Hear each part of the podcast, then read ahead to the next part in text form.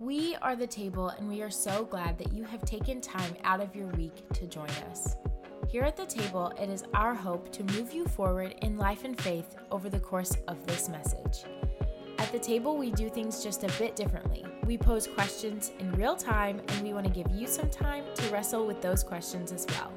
Again, thanks for joining us, and we hope that this message moves you forward.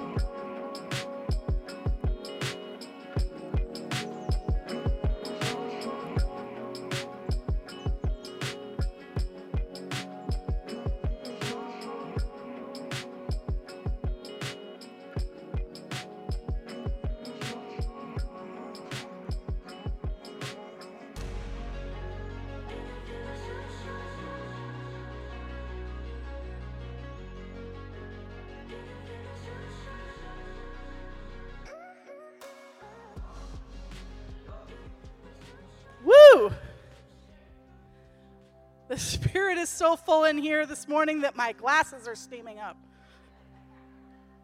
Like, woo!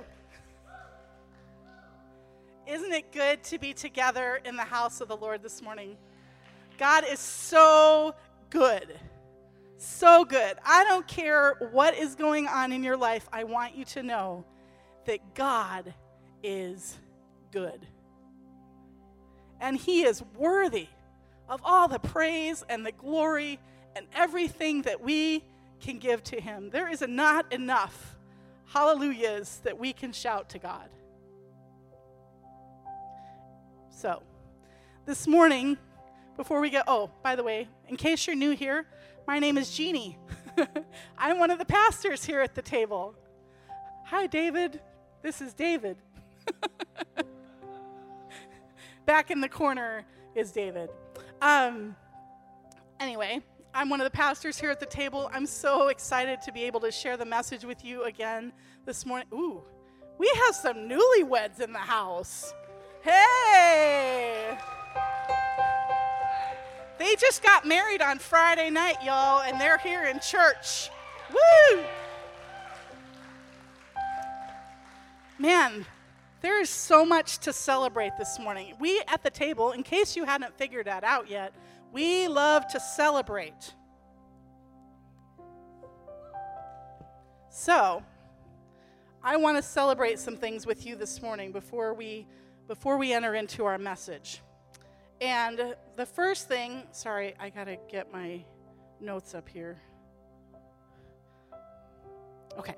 The first thing that I want to celebrate with you all is you all remember how throughout the whole summer, right, we were collecting money for backpacks so that we could give out backpacks at Kids Fest in Joliet. And so a couple weeks ago, a whole slew of us went down on the hottest day ever. Ever. And we sweated for Jesus. And we passed out those backpacks, and we carted two, or excuse me, 350 backpacks down to downtown Joliet to pass out those backpacks. Now, at the Kids Fest, we handed out 297 backpacks. Now, those of you who know math at all are thinking, hmm, 350 minus 297 equals 53. we have 53 remaining backpacks. Well, we no longer have 53 remaining backpacks because last week Pastor Emily took those backpacks down to the District 86 administration offices and they took them and they are going to distribute them to kids in need throughout the school district of District 86 in Joliet.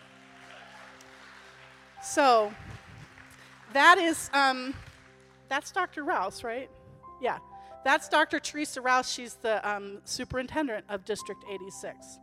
And so um, they actually put a post on their Facebook page and thanked us for our generosity. So thank you for your generosity in giving so that we could bless others.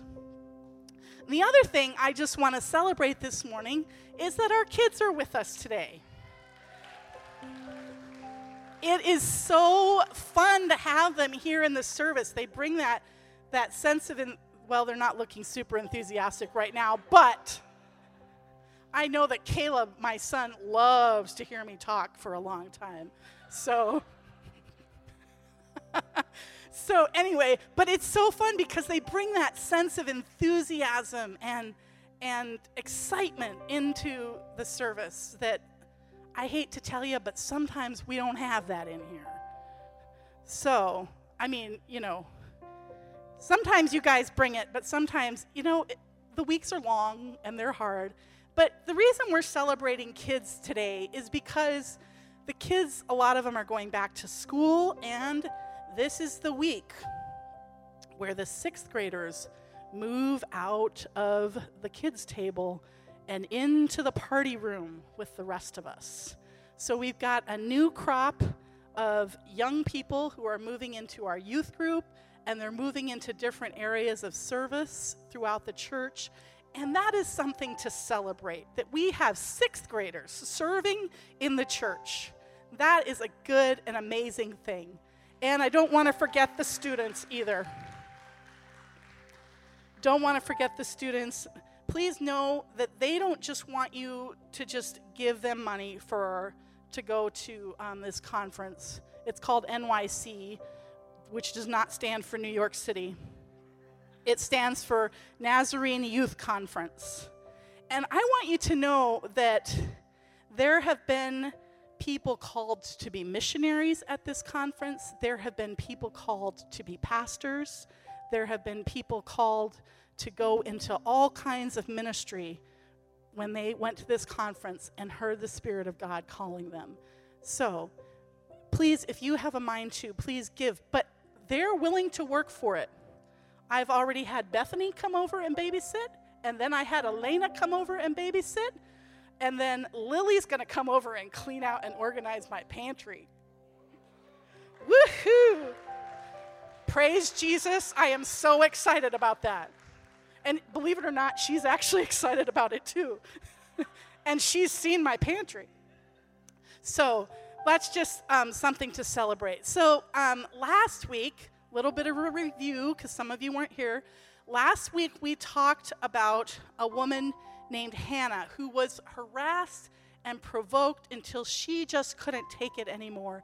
And so she went into the tabernacle and she just fell on her face before God and she poured out her heart to Him. And she asked God to give her a son. And you know what? God heard her cry and He answered her prayer and she gave, He gave her a son. So, because a lot of you have gone back to school this week, I thought it would be really fun to have a pop quiz. yes, it's so fun. Pop quizzes, fun. Okay, shh, pr- there's only there's only two questions on this quiz. Easy, easy. Okay. First of all, what did she name the son that she had? yes, Caleb, Samuel. Sam, no, she did not name him Jesus. Thank you, Phil. Yes, Samuel. She named him Samuel. Okay, now this one's for all of the, I don't have any prizes, but you can pretend that I have prizes. This one is for, you know, the grade.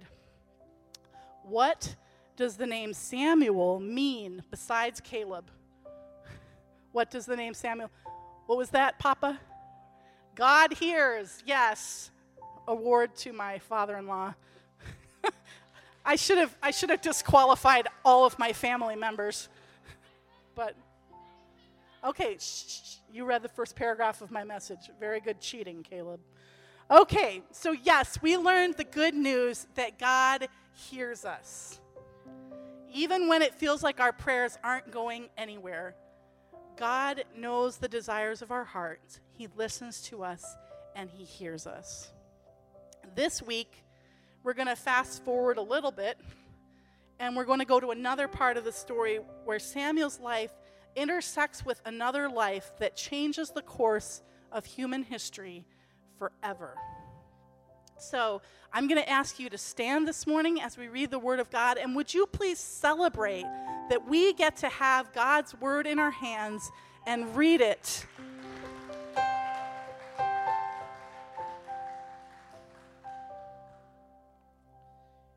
you know, I just feel burdened to say this. There are thousands of Christians throughout the world who don't have a Bible in their own language, and they don't have a Bible available to them to even read.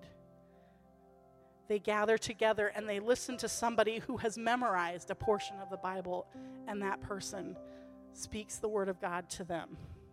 And here we have so many Bibles, we don't know what to do with them. So we, we should be thankful, be thankful that we have the Word of God and can hold it in our hands and can read it for ourselves. Now the Lord said to Samuel, You have mourned long enough for Saul. I have rejected him as king of Israel. So fill your flask with olive oil and go to Bethlehem. Find a man named Jesse who lives there, for I have selected one of his sons to be my king. But Samuel asked, How can I do that? If Saul hears about it, he will kill me. Take a heifer with you, the Lord replied, and say that you have come to make a sacrifice to the Lord. Invite Jesse to the sacrifice, and I will show you which of his sons to anoint for me. So Samuel did as the Lord instructed. When he arrived at Bethlehem, the elders of the town came trembling to meet him. What's wrong? They asked. Do you come in peace? Yes, Samuel replied. I have come to sacrifice to the Lord. Purify yourselves and come with me to the sacrifice. Then, excuse me, Samuel performed the purification rite for Jesse and his sons and invited them to the sacrifice too. When they arrived, Samuel took one look at Eliab and thought, Surely this is the Lord's anointed. But the Lord said to Samuel, Don't judge by his appearance or height, for I have rejected him. The Lord doesn't see things the way you see them. People judge by outward appearance, but the Lord looks at the heart.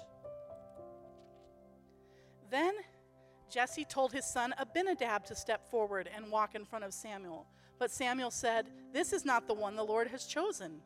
Next, Jesse summoned Shimea, but Samuel said, Neither is this the one the Lord has chosen. In the same way, all seven of Jesse's sons were presented to Samuel. But Samuel said to Jesse, The Lord has not chosen any of these. Then Samuel asked, Are these all the sons you have? There is still the youngest, Jesse replied, but he's out in the fields watching the sheep and goats. Send for him at once, Samuel said. We will not sit down to eat until he arrives. So Jesse sent for him. He was dark and handsome with beautiful eyes. And the Lord said, This is the one, anoint him. So as David stood there among his brothers, Samuel took the flask of olive oil he had brought and anointed David with the oil. And the Spirit of the Lord came powerfully upon David from that day on. Then Samuel returned to Ramah. I have titled today's message, The Heart of the Matter. Will you please pray with me as we get started? Heavenly Father, I thank you so much for this day. I thank you for the way that you have already moved and spoken to us in this service this morning. And I thank you for the way that you are going to move and speak. I pray that you would take my words and use them to honor and glorify you. Give us ears to listen and hearts to respond. And we ask these things in the name of Jesus. Amen. You can be seated. Thank you. So I'm so excited. Hey, Todd, could you move this table just slightly more over this way? Thanks. He really loves me, I promise. Yes, thank you. So I'm so excited to share with you this morning what God has already put on my heart. I want to let you know from the get go where I'm going today. So here we go. Are you ready? Okay. God uses people with willing hearts to make an impact. So, um, yeah, God uses people with willing hearts to make an impact. Now, I am one of those people who is proud of my parents. In fact, aren't they attractive? Yes. In fact, you could almost say that I'm ridiculously proud of my parents. And that's not just because they're my mom and dad, you know, and they're just pretty cool people, but it's because I'm proud of them because of how God has used them to impact lives over the years. See, my parents were missionaries for 48 years. And what's really cool about that is that their ministry was to teach the children of missionaries. And because they taught the children of missionaries, those missionaries were able to continue their work and tell people all over the country of Pakistan about Jesus. So, here's something you need to know though. My dad didn't want to be a missionary. He didn't grow up from the age of one thinking, when I grow up, I'm going to be a missionary and I'm going to go to the deepest, darkest parts of the earth and tell people about Jesus. No, he did not. He was perfectly happy in the suburbs of Seattle doing his thing. But, see, he thought that if God, if he went somewhere to be a missionary, if God called him, then he was going to go to some really uncool place and he was going to be miserable. But here's what he discovered My dad has a willing heart, so God called him and they went and they discovered that he was went to a really cool place and with really amazing high mountains such as y'all have never seen, especially if you've never left Illinois. Um, and he he discovered that he loved it because God doesn't call us to make us miserable. God calls us to make an impact. You see, when my parents retired, my dad had finished his 50th year of teaching. Some of us can't even imagine teaching for one year, let alone 50. 50 years of teaching. And over those 50 years, he taught hundreds of kids to play an instrument and to love music. And not only that, but through that, to love Jesus. See, he taught so he taught kids who are now doctors and lawyers and dentists and missionaries and a host of other things that I can't even tell you. And whenever he comes he's even I forgot to tell you this. This is important. He's even taught the children of former students who have also grown up and love music too. And whenever he comes into contact with one of his former students, I've seen it over and over and over again. They thank him for making an impact in their lives, for caring enough to teach them. Some of those people still, you know, they're like 40, 50, 60 years old and they still play their instruments. Did they do that for a career? No, but they still play their instruments and they love Jesus. And see, it wasn't really about the music, it was about investing in the lives of other people.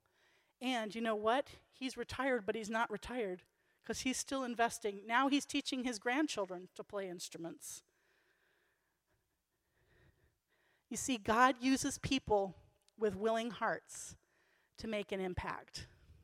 But here's the problem we have a problem, don't we? There's always a problem. The problem is that we look at ourselves or other people's outside appearance, you know, age, um, education, gender, all of those things. And we use those things to determine whether or not we can do something. See, I have this list of preconceived ideas in my head about how someone should look if they, say, are um, a doctor, okay? I have this list in my head of how they should look. And if that person doesn't meet those criteria, if they're the wrong age or they're the wrong gender or, you know, whatever, then I think that they can't do it and that they shouldn't be doing it. And in the same way, I look at, I look around at other people and if I don't fit into the preconceived notions that I have set up, I think that I can't do it right? And we all do this. And then not only that, but then I try to change myself to fit in to that set of preconceived ideas. And then I stop being myself and I start to look like someone else. And from the passage that we read this morning, we discover that this is not an uncommon problem. This went all the way back, far back in history. Now, for you to really understand this story, you need to understand a bit of the backstory. So, I'm going to give you a bit of a history lesson this morning. I won't do it as well as Chuck, who is a social studies history teacher, but, you know, I'll stumble along. Um, so, as I said earlier, last week we met Hannah, and she lived thousands of years ago in the time that we call the time of the judges. And some of you might remember when Pastor Betsy was here a couple weeks ago and she talked about Ruth. Ruth also lived in the time of the judges. Ruth probably lived a little bit before Hannah. And you remember that Hannah prayed for God to give her a child, and she said that if God gave her that child, she would dedicate the child back to God. And that's exactly what Hannah did. So when Samuel was, you know, probably five or six years old, he went to live in the tabernacle and he was raised by Eli the priest. And Samuel became a prophet. And then he, he actually became what is known as the last judge in Israel. Because here's what happened the Israelites started looking at all the countries around them. And they thought, hmm, we look different than all those other countries. We don't have a king. You know what? We need to look like all those other countries. We need to get us a king. So they came to Samuel and they said, Hey, all the other countries around us have kings, and we don't. We look weak and weird because we don't. So tell God to give us a king. And here's the thing though God had specifically designed the nation of Israel to look different than all the other countries around them. And let's just take an aside here and say that God has designed the people of the church to look different than all the other people around us. So be very cautious and careful when you start to want to look like everybody around you. It's okay to look different. It's okay to be different. That's the way God designed us to be. But the, the Israelites just wouldn't listen. And so they had this preconceived notion, right, of what a nation should look like. And that notion said, that idea said, a nation should have a king because all the other nations did. And so God said, okay, a king is going to take all your money for taxes, right?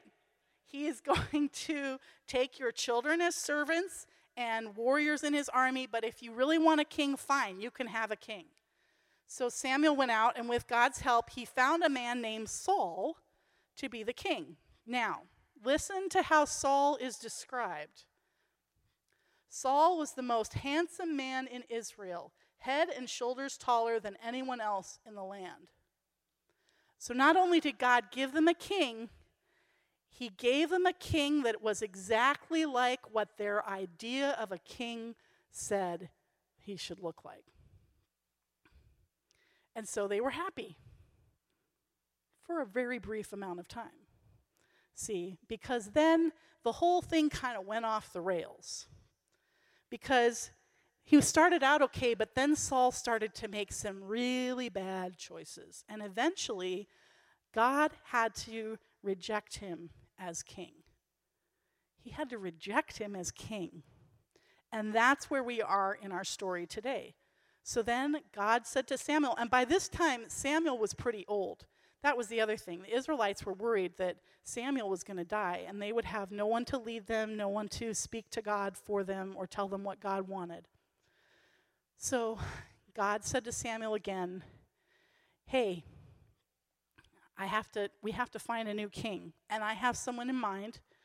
So take your oil, take a little trip to Bethlehem, go to the house of Jesse, who was, by the way, Ruth's, remember we talked about Ruth, Ruth's grandson, Jesse. Go to his house, and I'm going to have you anoint one of his sons as king. So here are Jesse's sons lined up in front of Samuel, okay? And it says, Then Samuel performed the purification rite for Jesse and his sons and invited them to the sacrifice too.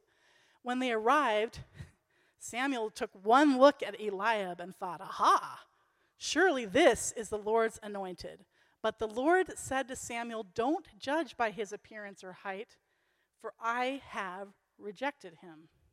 The Lord doesn't see things the way you see them. People judge by outward appearance, but the Lord looks at the heart. Now, what's funny to me when I read this passage is that Samuel fell into the same trap that we all do, and that the people of Israel did already with Saul, right? He looked at he looked at Eliab, Jesse's firstborn, and he went, Woohoo! This guy is tall and he's good looking. I have found the next king. And God was like, uh uh-uh. uh See, I'm not looking at how he looks or his age. I'm looking at the condition of his heart, and his heart's not right. See, when we, while we look at someone's physical attributes to assess whether they're right for the job, God is looking for a heart that is willing to obey him. God is looking at our hearts. So, this is kind of a funny scene because here are these seven sons of Jesse, right, lined up in front of Samuel. And he goes down the line and he says, No, no, nah, no, no, nope, no. And at this point, I'm sure they're all standing there going, What? And so then he says to Jesse, Are these all the sons you have? And I'm thinking, Are seven sons not enough? For crying out loud. You know?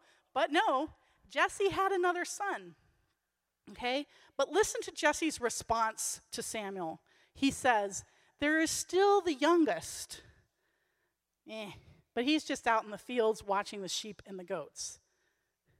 Do you notice what Jesse does? He doesn't even call his son by his name. He just calls him the youngest, the runt, the squirt, the little guy. Because he labeled him as the youngest. There's no place for you in this important d- meeting that I have. So you go out and take care of the stinky sheep, and we'll do men stuff, you know, because you're just a boy, right? He's too young to make an impact. He's too young to do anything important. And we do this all the time, don't we? We look at kids and we're like, oh, they're too young. They don't get it. They should be seen and not heard. Or we say, children are the future of the church. And we put them off, you know, in the distance, right?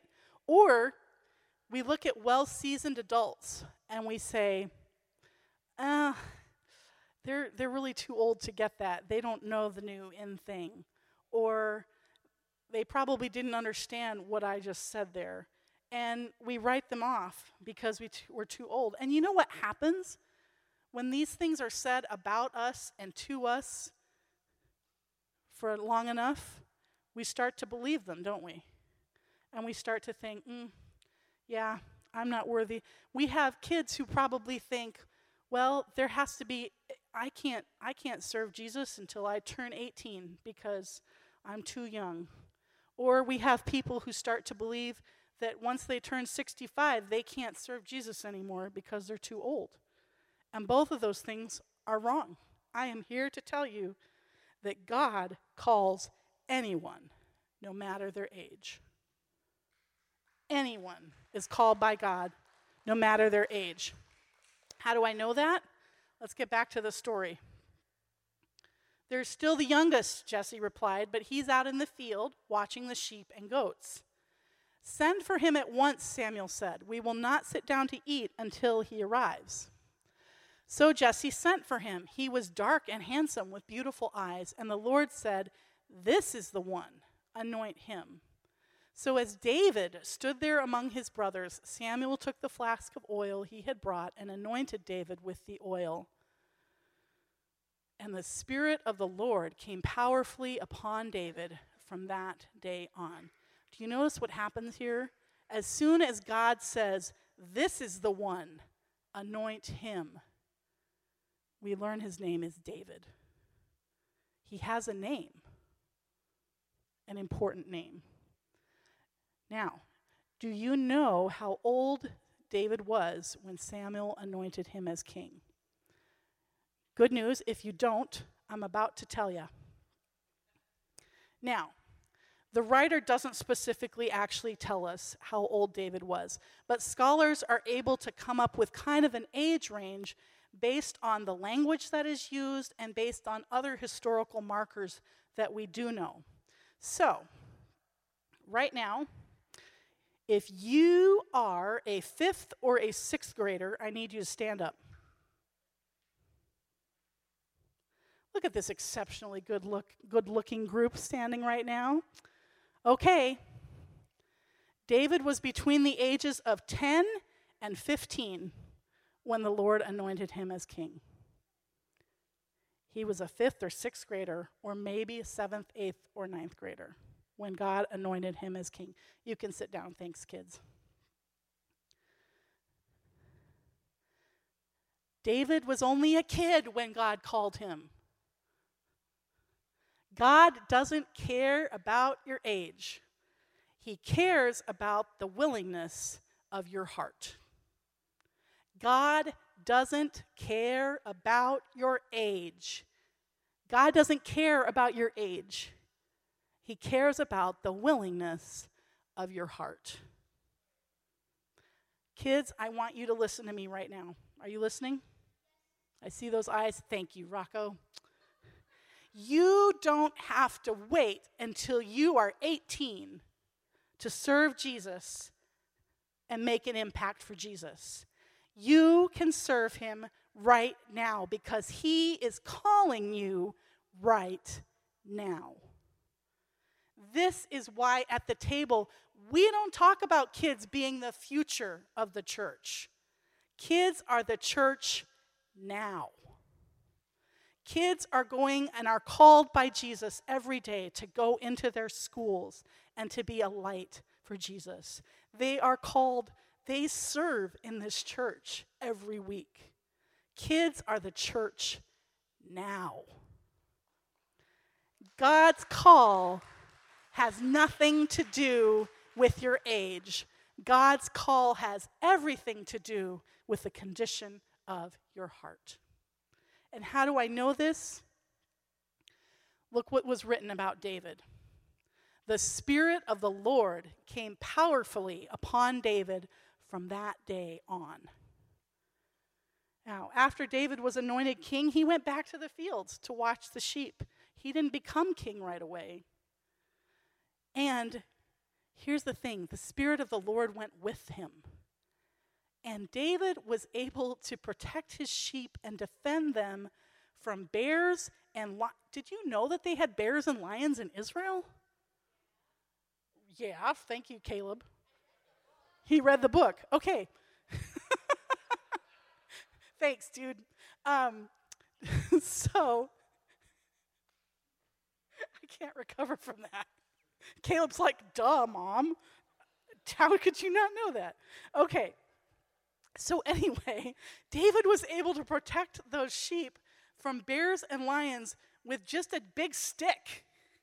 I mean, what on earth? And he was able to not only protect the sheep, he was able to kill the lions and bears. And then, if that wasn't enough, he was courageous enough to fight a giant and win with a slingshot and one stone. Now, um, I think that those of us who have heard the story of David and Goliath, those of us who've grown up in the church, have kind of gotten used to the story, and it's kind of like, oh, yeah, yeah, David killed Goliath, big whoop. So, I enlisted the help. If you're in my family, you get drafted to do fun things during my message. So, I enlisted the help of my father in law and my son to come up here for a moment and do a little demonstration for us. Yes, give them an encouraging round of applause. You can come right over here on this side of me. And wait for Papa. Okay, Caleb, come stand right here. Papa, stand on the other side of Caleb. Okay. Caleb, how old are you? 11. How tall are you? 5 1. Okay. Aren't you five one and three quarters? Yeah. Okay. You can't forget about that three quarters when you're 11. Okay. So Caleb is 11. He is possibly the age that David was when he defeated Goliath. Now, you should know that Caleb is in the 90th percentile for height. So it's possible that David was not this tall. Okay, oh my good gracious, you're getting tall, kid. Okay, Papa, I'm not going to ask you how old you are.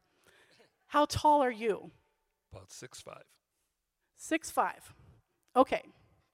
So, we're not going to do this part because I don't want to hurt you, but imagine that I was sitting on top of his shoulders. Okay? Imagine half of me on top of him. That's how tall Goliath was. Okay? Goliath was over nine feet tall. Yeah, that's tall. Yeah, as tall as a, thank you, as tall as a basketball hoop. There you go. Sports. Yes. Okay, not right now. All right. No, you can't have a rock. I don't want you to break our basketball hoop. All right, thank you very much. You may go be seated.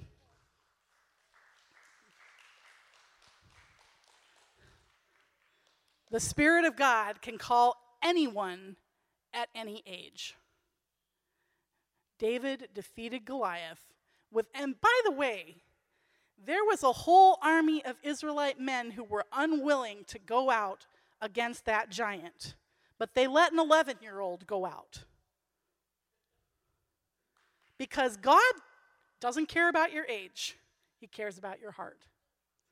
So, what are you supposed to do when someone ignores you because they think you're too young or you feel like you're past your prime and people don't care about what you think anymore? In another part of the Bible, a man named Paul wrote to a young man named Timothy, and he said this Don't let anyone think less of you because you are young. Be an example to all believers in what you say, in the way you live, in your love, your faith, and your purity. So, first, don't allow anyone to think less of you because of your age. You are a child of God. You are created uniquely in His image. You are deeply loved. He died for you and rose from the dead and defeated death for you. You are called. He has called you. Whether you are 3, 33, 63, 93, or 123, or any of those ages in between, God has called you. Don't let anyone tell you otherwise. Second, be an example. Show other people what it means to follow Jesus with all your heart. Be someone who is kind. Go find the kid in the cafeteria who's sitting all by himself and doesn't have a friend and sit with them. Go find the kid on the playground who looks a little bit different, who might not be able to play the same way that you can because their legs are different or that God created them a little bit differently, and be their friend. Do something that they can do with them. Make friends with the person who is different than you. Notice if someone is stressed out and invite them out for coffee or tea or to hit baseballs. Be faithful in church, faithfully serve. God uses people with willing hearts to make an impact. So, this is my friend Rocco. Hi, Rocco. Rocco's here. Yep, that's a true picture. That actually happened. Rocco is seven years old. Yeah, seven and three. Get this Nico and Rocco's birthday, guess when their birthday is? December 24th. Uh huh. Christmas kiddos. Okay, Caleb. It is clear that God has called Rocco. You know how I know this? Rocco was baptized recently, And I was rewatching his baptism video because I love the way that Rocco talks about his relationship with Jesus and the way that Jesus has made a difference in his life. Rocco understands completely what his life was like before Jesus. He uses words like dark and sin.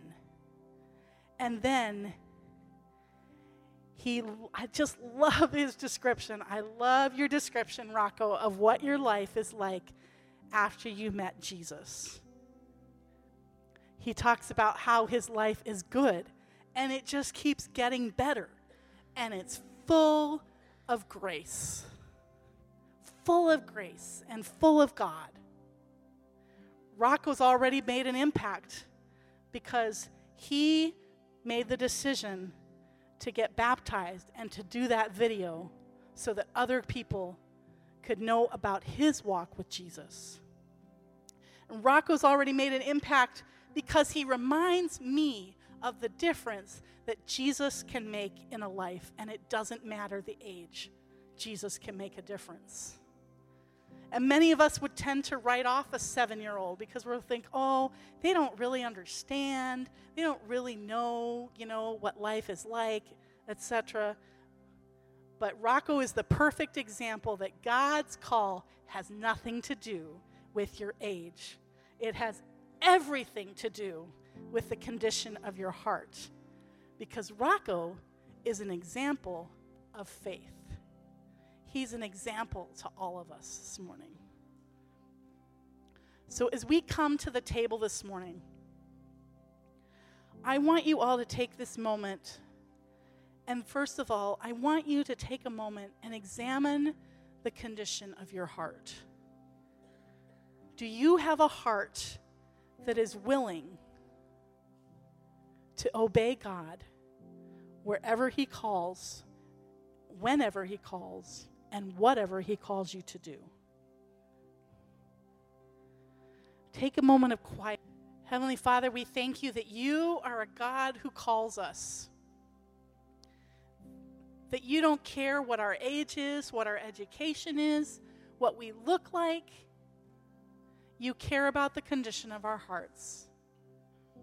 So, Lord, we ask that you would be, make us a people who follow wherever you lead us. You make us a people who answer that call. Lord, we thank you for our kids. We thank you for the impact that they are making in lives right now. We pray that you would help them to continue to listen to that call. And we'll give you the honor and the glory and the praise. We thank you in Jesus' name. Amen. Would you please stand as we sing one more time?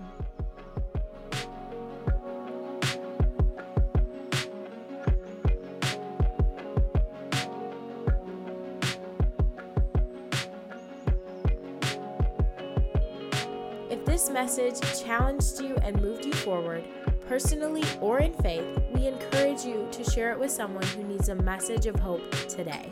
And if you're interested or looking for ways to partner with us in our mission here at the table, head on over to thetablejoliet.org for more information.